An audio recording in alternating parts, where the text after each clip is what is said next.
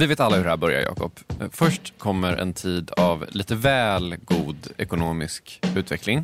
Det glada 80-talet sägs det ju. Och så var det nog också i början av decenniet. Sen händer något. Utlåningstillväxten steg kraftigt omedelbart efter slopandet av utlåningstaket i november 1980. Och sen plötsligt så är den här.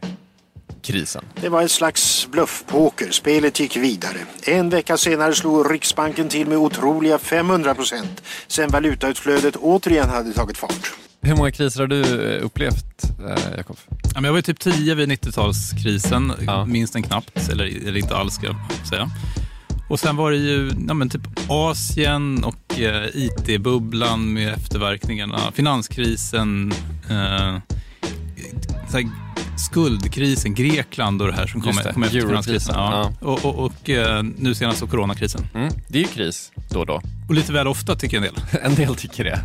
Någon borde kanske gå in och styra upp det där kan man tycka. Ja. Eh, Men eh, när krisen väl är här så börjar ju då ett arbete med att få den att försvinna.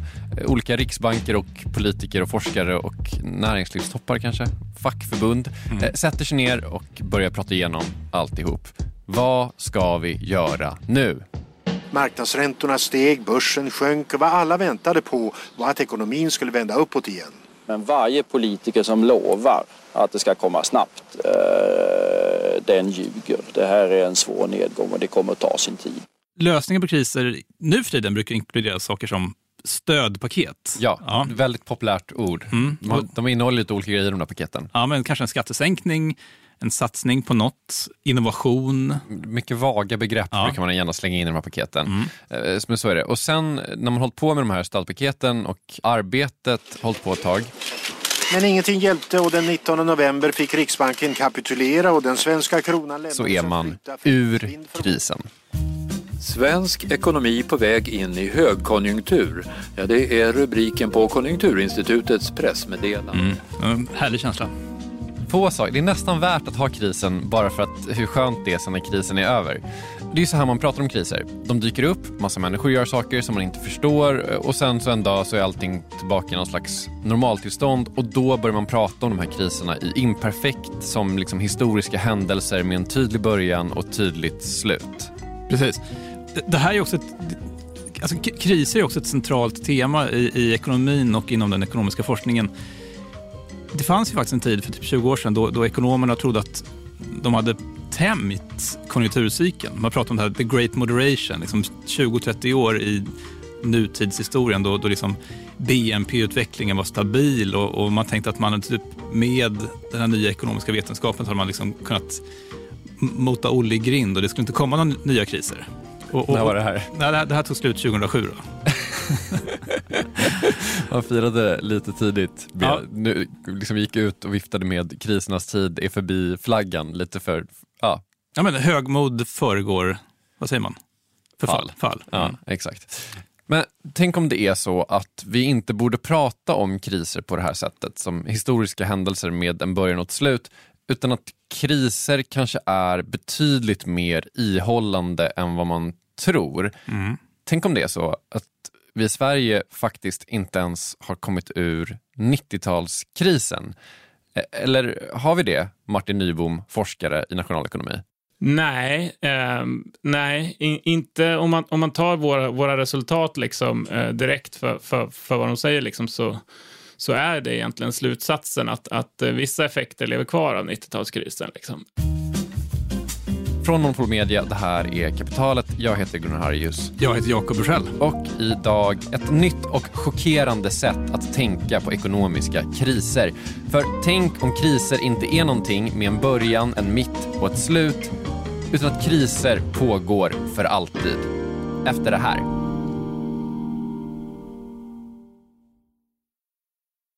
Så det finns kriser, men vi, vi tänker på dem på fel sätt. Mm, jag tycker nog att vi faktiskt gör det. Eh, Och när jag säger att jag tycker att vi gör det så menar jag såklart att eh, Martin Nybom tycker det. Eh, Och Martin, är forskare i nationalekonomi och docent på Institutet för arbetsmarknadspolitisk utbildningsutvärdering i Uppsala, också kopplat till Uppsala universitet. Institutet för arbetsmarknadspolitisk och utbildningsutvärdering, mer känt som IFAU. Ja, i den mån det är känt överhuvudtaget. Eh, Martin i alla fall, eh, han har kollat på det här med kriser eh, och det är ju en objektivt liksom, intressant sak att kolla på. Framför allt så kollar han på vad som händer efter kriser. Och eftersom han då jobbar på Institutet för arbetsmarknadspolitisk utvärdering så kollar han då på arbetsmarknaden. Men ska vi börja med att bara definiera vad en kris är för någonting? När, när man liksom i en mm. nationalekonomisk perspektiv. Ja, en rimlig grej att göra. För om man vill veta hur man borde prata om kriser så är det bra att veta hur man pratar om dem nu. Det finns ju inga, tror jag, direkta definitioner så på arbetsmarknadsområdet som jag har hört. Däremot så brukar man ju prata om recessions och att en, vi har en recession när BNP faller två kvartal i rad. Ja, en, en kris är väl eh, utifrån ett arbetsmarknadsperspektiv ska jag säga mer när liksom man ser en snabb ökning av, av arbetslösheten och ett fall i sysselsättningen. Liksom. Alltså vi vet ju vad en kris är. Det är liksom när det händer flera saker samtidigt fort. Typ minskad BNP-produktion, ökning av konkurser, fallande Alltså, det är kris. Det är lite så här, man, man känner igen en kris när, man ser när man en kris. är mitt i en kris. Ja. Mm. Samtidigt också så fascinerande att det kan vara så lokalt. Det enda jag minns från finanskrisen det var att det var större rubriker i tidningen. Men, men jag, alltså jag alltså jag, jag påverkades knappt överhuvudtaget. Nej, inte jag heller. Och då var det typ så att jag kom ut på arbetsmarknaden typ det året. Mm. Eh, jag tror kanske vi hade haft annorlunda eh, minnen om det om vi kanske hade jobbat med finans på ett annat sätt. På Island? på Island, exakt.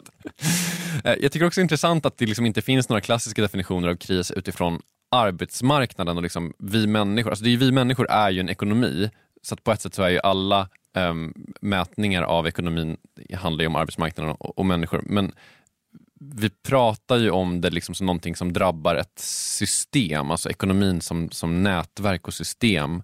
Och därför mäter man ju då liksom kriser i BNP någonstans.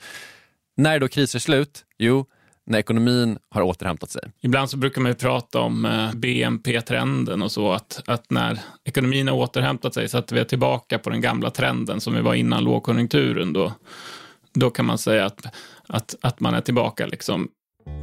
Men som vi vet så är en ekonomi mer än bara BNP.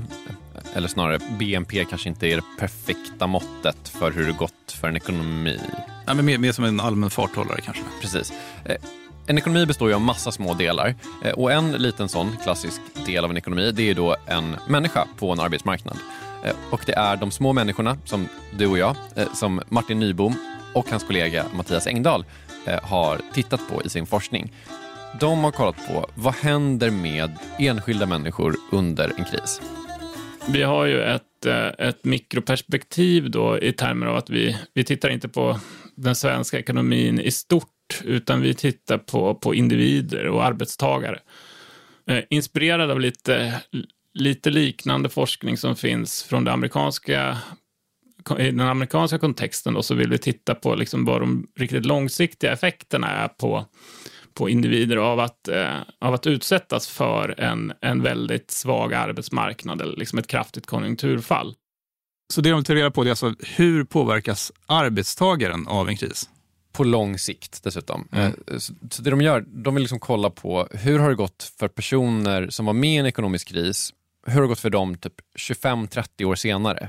Hur mycket sämre har man fått det som arbetstagare av att ha varit med under en sån här kris. Mm. Eh, så det de har gjort då, det är att de har kollat på 90-talskrisen. Eh, Vi eh, behandlar liksom hela Sverige som någon form av, av quasi-experiment, eller vad man ska kalla det, och delar, upp, delar då upp Sverige i olika mindre arbetsmarknader. Och, och utnyttjar det faktum att, att en kris slår, kan slå väldigt olika i olika delar av landet. och så, så jämför vi då individer som som innan krisen bodde och jobbade i en kommun som, som eh, drabbades av ett väldigt stort konjunkturfall med eh, individer som bodde och arbetade i, i en kommun som drabbades av, av, ett svagare konjunkturfall. Då. Och så tittar vi då på, på deras, eh, ja, men hur deras arbetsmarknadsutfall utvecklas på lång sikt. Eh, är du med på vad de håller på med här? Eh, jag tror det det har ju lite bäring på, på det jag nämnde tidigare, att, att jag, Jakob, då inte led så mycket av finanskrisen. Men, ja, men återigen, om man liksom sålde strukturerade produkter så, så var det liksom värre. Ja, det tror jag nog. Och, och, och, det de har gjort här är att de har jämfört olika arbetsmarknader. Så, så de kollar på olika kommuner och så tittar de på hur hårt eh, de liksom, respektive arbetsmarknaderna drabbades eh, av krisen. Mm. Och sen kollar man på alla personer som bodde och arbetade i de här kommunerna under krisen och sen kollar man på hur det gick för de här personerna 25 år senare. Just det. Bara för att konkretisera ytterligare. Vi kan ta Ödeshög eh, som exempel. Eh, så hittar vi på att Ödeshög drabbades hårt. Jag vet inte hur det gick för Ödeshög, men vi, vi säger att Ödeshög drabbades väldigt hårt av krisen.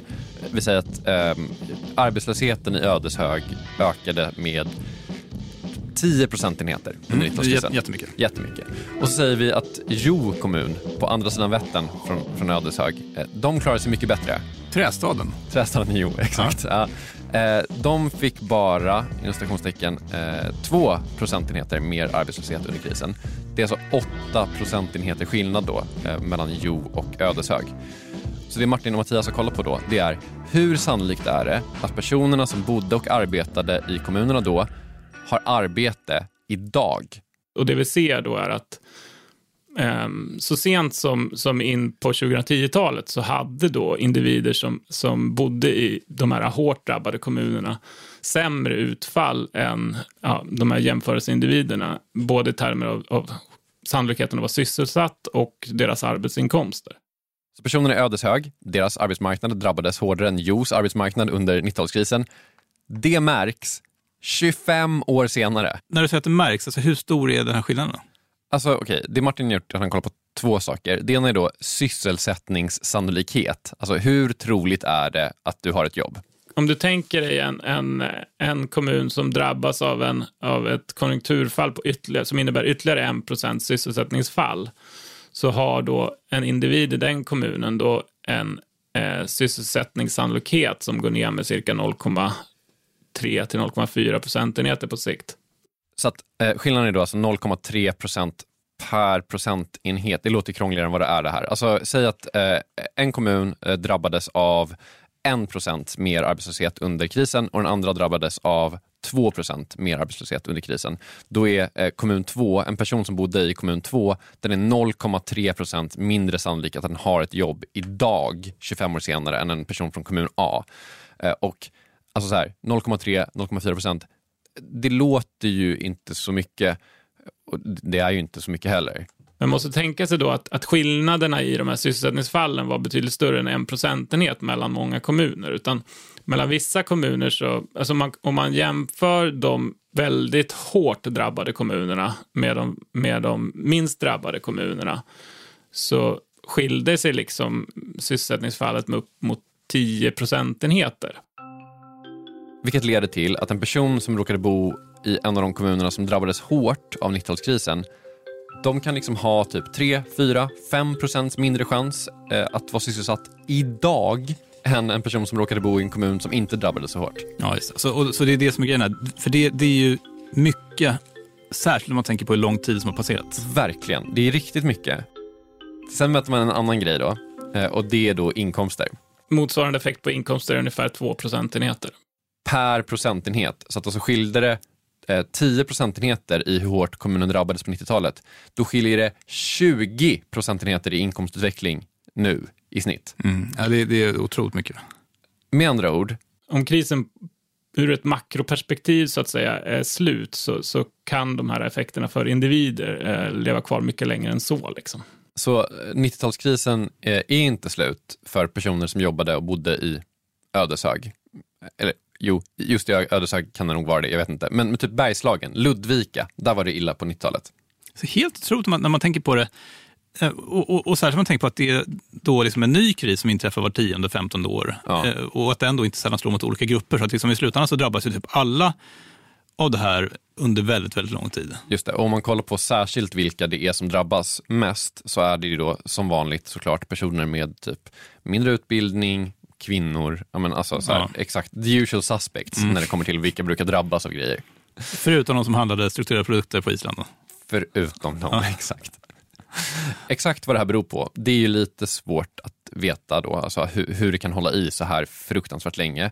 Eh, Bra gissningar, eh, som man brukar prata om, det är liksom en, en allmänt försämrad arbetsmarknad, eh, även på lång sikt. Sen så här, hål i CVn som gör att man blir mer svåranställd för att man blir av med jobbet kanske. Psykisk ohälsa kan vara en grej. ja, så här, sam, ungefär samma usual suspects där. Men, men kan man göra någonting åt det här? Eh, och liksom, ska man göra någonting åt det? Eh, så här, är man lite fatalistiskt lagd ska man tänka att det här kommer jämna ut sig i längden. Den här gången, liksom förra året var det restauranger och biografer som fick smaka på krisen. Nästa gång så är det rörmokarna. Tror du det verkligen? Tror du att det är rörmokarnas kris nästa gång? Stora rörmokarkrisen Ja. 2026. Ja. Men samtidigt kan man ju ta perspektivet att, att eh, samhället borde ju typ göra någonting om det är så att folk känner av en kris typ 50 år efter att den inträffar, eller liksom ett helt liv. Mm. Kan man göra någonting? Det är ju en mycket bra fråga såklart. Eh, hur kriserna ska kunna ta slut eh, efter det här.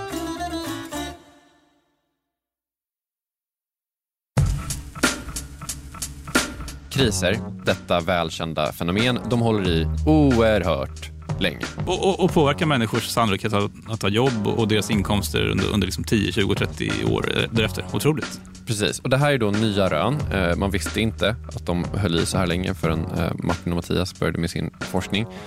Eh, Det finns en lite elak fråga här som är typ ka- Kanske är det så att vi eh, måste ha det så här. Måste inom stationstecken, vi kan, ju, vi kan ju vända upp och ner på allting såklart. Men inom det systemet vi har, att vi kanske måste ha, ha det så här. Eh, eller att vi i alla fall inte vet eh, hur vi ska stoppa det. Det här verkar vara ett ganska genomgående resultat då, i och med att man hittar motsvarande effekter i, i USA, om än på betydligt kortare sikt. I, I en annan rapport som vi har gett ut på IFAU så hittar vi motsvarande effekter för finanskrisen i Sverige också. På så sätt så tror jag att det är någonting som är liksom relativt oberoende av eh, hur ekonomin och samhället ser ut. Det Martin säger i alla fall, det är att effekterna av de här basten då, de verkar hålla i, hålla i liksom väldigt länge och slå ungefär lika hårt. Så liksom oavsett vad för- liksom har för typ politiskt styre eller för ekonomi eller så, där, så verkar det...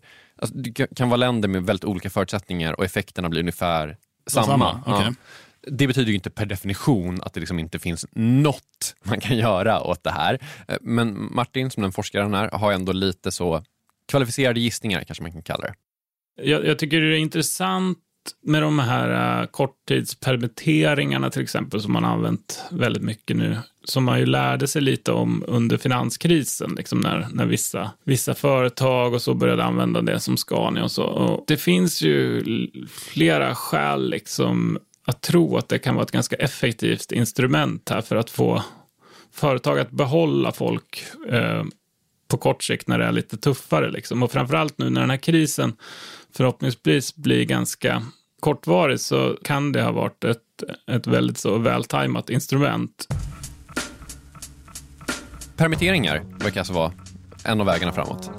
Sen så är det här, det här är ju typ en politisk filosofisk fråga. Alltså det finns ju eh, någon skola som är lite mer typ så, vad ska man säga, darwinistisk, eh, som menar att det kan till och med vara så att det är bra för ekonomin som system på, på lång sikt med de här kriserna. Alltså så här, självklart liksom stora tragedier för människorna som det går dåligt för. Det har vi pratat om. Men de, de kanske liksom aldrig får det lika bra igen. Men ekonomin som helhet kan liksom växa sig starkare av det här. Någon slags stålbadstänk. Det finns, eh, som jag tycker, väldigt spännande forskning, också amerikansk sådan, som tittar på hur eh, motsvarande liksom, lokala konjunkturfall påverkar omvandlingen på arbetsmarknaden och företags eh, innovationsbenägenhet och, och investeringar i ny teknologi och så. Och då hittar man liksom att hårt, på hårt drabbade arbetsmarknader, där, där accelereras eh, omvandlingen snabbare.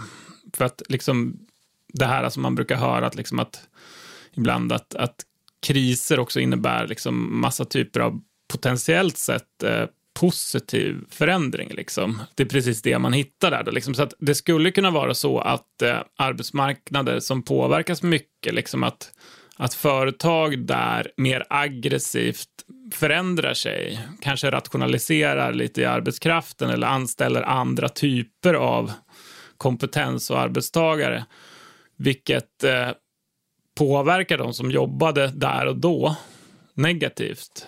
Eh, men det kan också vara positivt för regionen eller, eller liksom kommunen på sikt. Liksom, att, att eh, tvinga fram liksom, eller accelerera den här utvecklingen. Liksom. Men det vet vi inte riktigt i, i det svenska fallet exakt hur det ser ut. Min eh, tjej är från eh, ställe i eh, på gränsen mellan Uppland och Västmanland där ligger stora så, Adlibris och Apotea-lager. Ehm, och där jobbar det då jättemånga människor liksom sysselsätter typ hela den, den nej, inte hela, men en, en, stor del av liksom bygdens typ ungdomar och sådär. Ehm, så säger vi att det kommer en stor kris. Då kanske det lagret typ ställer om och så blir det helt typ robotiserat och eh, men, du vet, det finns så här coola Amazon-lager. Det blir mer sånt kanske typ. Stor tragedi för alla som jobbade på det där lagret. På sikt så kanske måste börja jobba olika robotingenjörer där och man liksom, ur en viss synvinkel skulle man kanske kunna säga att det skulle vara bra för den kommunen. Precis. Ja, och, och, och, så är det som är bra för kommunen inte alltid bra för individen på kort sikt. Precis, det är jättejobbigt för de som jobbade på lagret. Liksom. Deras kris kanske aldrig tar slut. Alltså, den kan hålla på i 25-30, en livstid, år. Liksom. Det som är sjukt med det här tycker jag, det är att det är så random. Alltså, du råkade jobba i en kommun som drabbades mycket hårdare än en annan kommun. Otur för dig. Din kris håller på i 30 år. Ja, ja men det, det är hårt. Det är jävligt hårt. Alltså, så här, man kan vara väldigt så darwinistisk och tänka typ så här, ah, men du kanske inte borde jobba liksom, jobbat i en verkstadsindustri som kommer drabbas hårt av en kris. Du borde omskolat dig tidigare, du borde sett det här komma. Det, det är liksom, så kan man ju tänka. Men det finns ju liksom, det blir ju alltid så följdeffekter av en kris som inte är, bara drabbar liksom den, den mest drabbade sektorn. Alltså, säg typ att du har ett café i en kommun som drabbas hårt. Du har en jättebra business, du är jättebra på att driva det här kaféet. Plötsligt så sägs massa människor upp på liksom den största arbetsplatsen på orten och då börjar det gå mycket sämre för ditt café för att ingen har pengar på fickan typ. Och sen liksom, i genomsnitt så kommer ni som bor i den här kommunen, inklusive du som har, driver kaféet, ha en mycket sämre liksom, inkomstutveckling än typ grannkommunen. Och i den grannkommunen så kanske det var någon som drev ett café på ett mycket sämre sätt än vad du gjorde. Men genomsnittligt så kommer den ha en, en liksom större chans till typ sysselsättning och en god inkomstutveckling. Mm, det, blir väldigt, det blir väldigt slumpmässigt. Väldigt slumpmässigt. Det är väl lite slutsatsen ändå på något sätt att om du dels arbetar inom ett bransch, en bransch, ett yrke och så vidare som, som kanske är lite liksom i riskzonen nästa gång det slår till. Och du dessutom råkar jobba på fel företag eller i fel del av, av landet liksom där, där krisen blir kraftig. Så kan du råka illa ut på lång sikt så att säga, eller i alla fall påverkas lite grann åt det negativa hållet och, utan att du, ja, och, och det, det, är väl en viss, viss mån av, av slump inblandat i det liksom, så ja. Så slutsatsen här, folk kan ha otur. Och, och där finns ju liksom den filosofiska frågan om samhället ska tolerera att folk har tolerera, otur. Någon mån måste man väl typ tolerera otur? Alltså det, det finns ju också en tendens, tänker jag, liksom ett, ett modernt så här, välmående samhälle, att man, att man i högre grad vill kontrollera samhällsutvecklingen och att toleransen för typ, att folk har otur minskar. Mång, det är väl ändå ganska många politiska inriktningar som liksom går ut på att man vill minimera eh, utrymmet för otur och maximera typ skyddsnätet för de som har eh, mm. otur. Så kan man ju en del politiska ås åskådningar går ut på det i alla fall. Liksom. Men det är i alla fall riktigt intressant att, eh, att kunskaperna om ekonomi liksom uppdateras. Det, det här är nästan en slags grundforskning som, som ger en helt ny bild av hur ekonomin funkar. Det är lite skupigt faktiskt tycker jag, den här grejen. Hur jävla länge det håller i sig. Ja, ver verkligen. Och, och, och, nu har vi också en, en färsk kris att studera med, med coronan. Ja. Och, och med att den hanteras på ett nytt sätt med de här permitteringarna så finns det säkert nya lärdomar att, att dra om den då. Precis, Martin kollar ju på den typen av grejer nu eh, samtidigt då som han försöker ta reda på vad som faktiskt funkade under 90-talskrisen. Eh, och så kollar han på coronakrisen. Så vi, vi, kommer kanske snart få reda på vad vi borde göra. Eh, kanske kommer någon om, forskning. Om, ja, om 25 år. Ja, vi ser fram emot en IFAU-rapport där någonstans 2040. Ja, nej, men nu ska du inte vara så pessimistisk. Jag tror 2035 är nog helt, helt eh, möjligt. Det blir då kapitalet avsnitt eh, 50 avsnitt 1400 kanske vi ser fram emot det, tycker jag. Med det är kapitalet slut. Eh, vi som har gjort det här avsnittet heter Gunnar Harjus och eh, Jakob Bursell. Eh, Åsa Secker jobbar också här. Det gör också Kristoffer Krook. Han har mixat det här avsnittet. Följ oss på Instagram. Jakob, vad heter vi där? Kapitalet Radio. Nej, Kapitalet. Kapitalet. Bara kapitalet. Följ oss där. Hej då! Hej!